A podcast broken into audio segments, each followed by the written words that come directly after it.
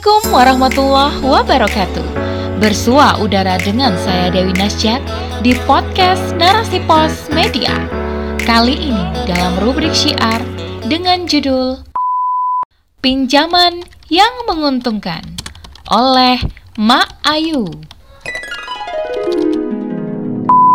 Ketika berbicara pinjaman di dunia, sering kali orang mengernyitkan dahi tanda berpikir karena pinjaman yang berarti memberi utang justru memberikan ganjalan dalam hati. Mengapa begitu? Ya, sebab pinjaman yang kita keluarkan sering tidak sesuai harapan yang diinginkan.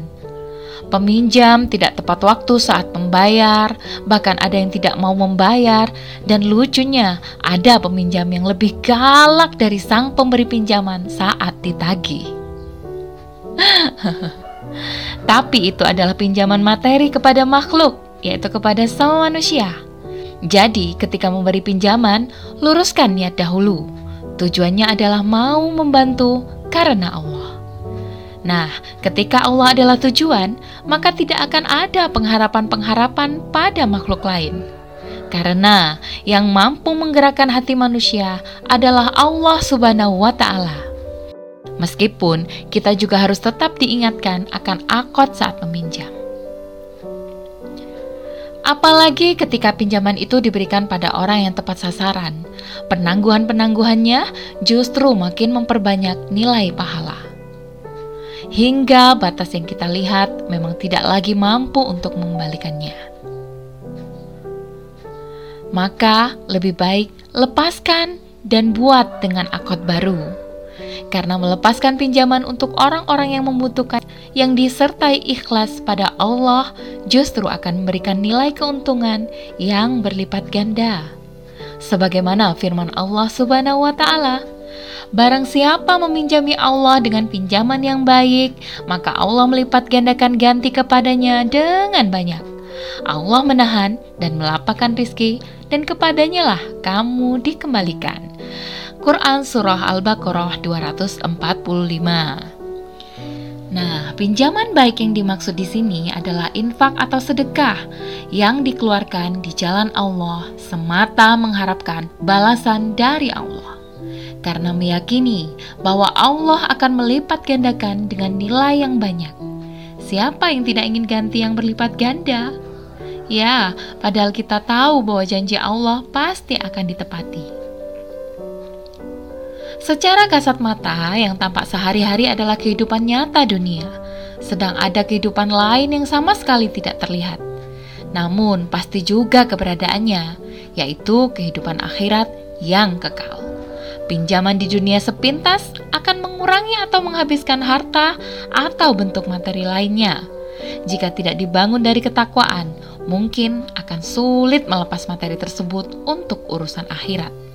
Tapi bagi orang yang beriman dan meyakini kebenaran janji Allah, dia tidak akan segan melepaskan semua hartanya di dunia.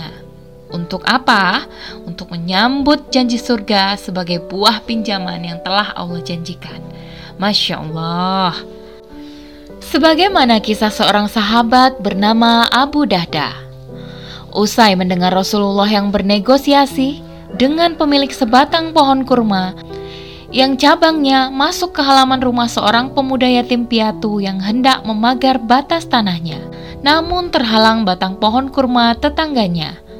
Pemuda itu berniat membelinya, namun pemilik pohon kurma bersikukuh menolaknya.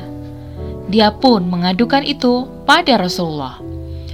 Rasulullah pun menawarkan, "Berikanlah batang kurma itu kepada saudaramu, agar ia bisa memagar tanahnya." Engkau akan mendapatkan ganti sebuah kebun kurma di surga. Pinta Rasulullah. Tapi pemilik pohon tetap tidak mau. Majulah Abu Dahda menghampiri Rasulullah, kemudian menanyakan kebenaran kata-kata Rasulullah, apakah berlaku untuk orang lain juga. Dan Rasulullah mengiyakan. Dengan wajah yang berseri, maka Abu Dahda meminta pada pemilik satu pohon kurma itu untuk menjualnya padanya. Jualah sebatang pohon kurmamu itu kepadaku. Aku beli dengan seisi kebunku. Ujarnya. Pemilik sebatang pohon kurma terkejut. tapi langsung menyetujuinya karena kebun Abu Dahda terkenal subur dan memiliki 600 pohon kurma disertai sumurnya, villa, dan taman-taman indahnya. Tidak sebanding dengan hanya satu pohon kurma miliknya.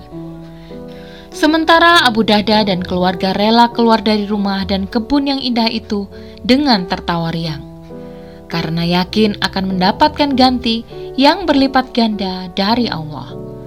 Apalah arti kekayaan dunia yang hanya sementara dibandingkan dengan kehidupan kekal di surga? Dia mendapatkan keuntungan yang berlipat ganda ketika meminjamkan hartanya di jalan Allah Subhanahu wa Ta'ala. Tolak ukur kebahagiaannya adalah ridho Allah semata. Rasulullah bersabda, "Alangkah banyaknya tandan kurma yang harum baunya milik Abu Dahda di surga kelak."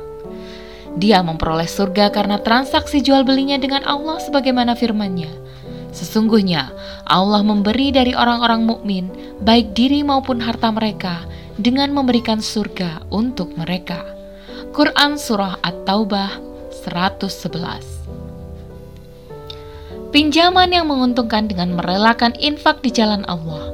Kita bisa memetik pelajaran dari kisah ini jika memberi pinjaman atau sedekah, maka niatkan untuk Allah semata.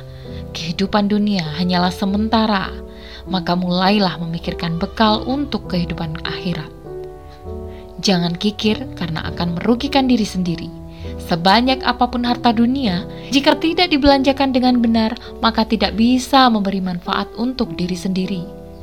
Itulah sepenggal kisah yang bisa memberi contoh bagaimana mengelola harta dengan tepat, sehingga mampu mengantarkan pemiliknya masuk ke dalam syurga.